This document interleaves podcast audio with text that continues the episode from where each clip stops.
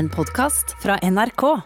Som navnet antyder, så har ikke et stille hjerteinfarkt altfor klare og tydelige symptomer. Ca. 14 000 nordmenn får et klassisk hjerteinfarkt hvert år, men det hender at infarktet sniker seg innpå deg. Og Morten Munkvik, hva er et stilt hjerteinfarkt? Nå ble du veldig øm i stemmen der på slutten. Det er så stilt. Det er så stilt, ja. Ja, ja, ja. Nei, altså- Betyr det at det ikke er så farlig? Nei, eh, ta det fra starten. Eh, Hjerteinfarkt først, det er at hjertemuskelen ikke får nok oksygen og får problemer pga. det, fordi all muskulatur trenger oksygen for å funke, og hvis de ikke får nok, så stopper det å funke, og til slutt så dør det. Og det er det samme det om det er et stilt hjerteinfarkt eller et vanlig bråkete et. For det er jo det som gir eh, navnet stille hjerteinfarkt, fordi at de vanligvis er ikke det. Det er smerter, store problemer, vondt og kanskje svime av og sånne ting. Så det er masse symptomer ved et vanlig hjerteinfarkt. Et stillhet, da er det mye mindre av disse vanlige symptomene. Man kan bli svimmel, kaldsvett, få litt sånn lett trykk i brystet. Noen får eh, liksom problemer med pusten, og noen sier at de får vondt i magen. Den typen, altså Det er litt sånn en helt annen symptompakke enn det vanlige hjerteinfarktet som en har sett på film, hvor man hyler ut i eh, brystsmerter. Betyr et stille hjerteinfarkt at det faktisk ikke blir oppdaget, stort sett? Ja.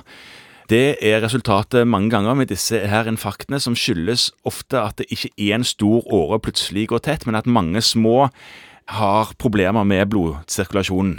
Og man har vel tenkt at større andel av de kvinnene som får hjerteinfarkt, får disse stille symptombildene framfor de vanlige symptombildene. Og får aldri behandling for det.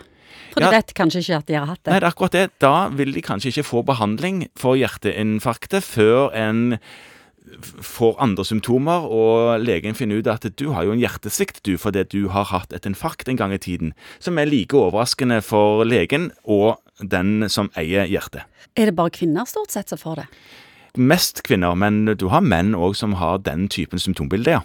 Men det er jo vanskelig å finne ut når altså, du er trøtt og utmatta, svimmel og litt kaldsvetting og vondt i magen gjerne, hovne ankler. Det, det, det roper ikke hjerteinfarkt. Nei, det er ganske uspesifikt, Ja. og man skal, man skal gjennom et par andre diagnoser før man havner på Du, vet du hva, kanskje du har hatt et hjerteinfarkt? Har du erfart det sjøl? Jeg har hatt pasienter som har kommet med disse symptomene, hvor man har klart å knipe at det var et hjerteinfarkt.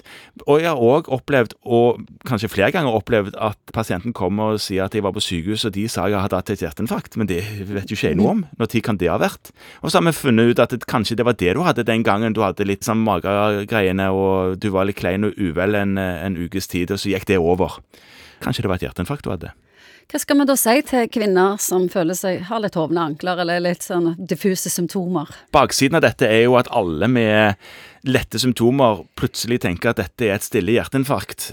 Nei, men det er jo å diskutere, og eh, en har helt lov til å minne fastlegen sin på at eh, du, jeg har lest om at eh, kvinner får andre typer symptomer på hjerteinfarkt enn menn. Kan dette jeg har her nå være noe av det?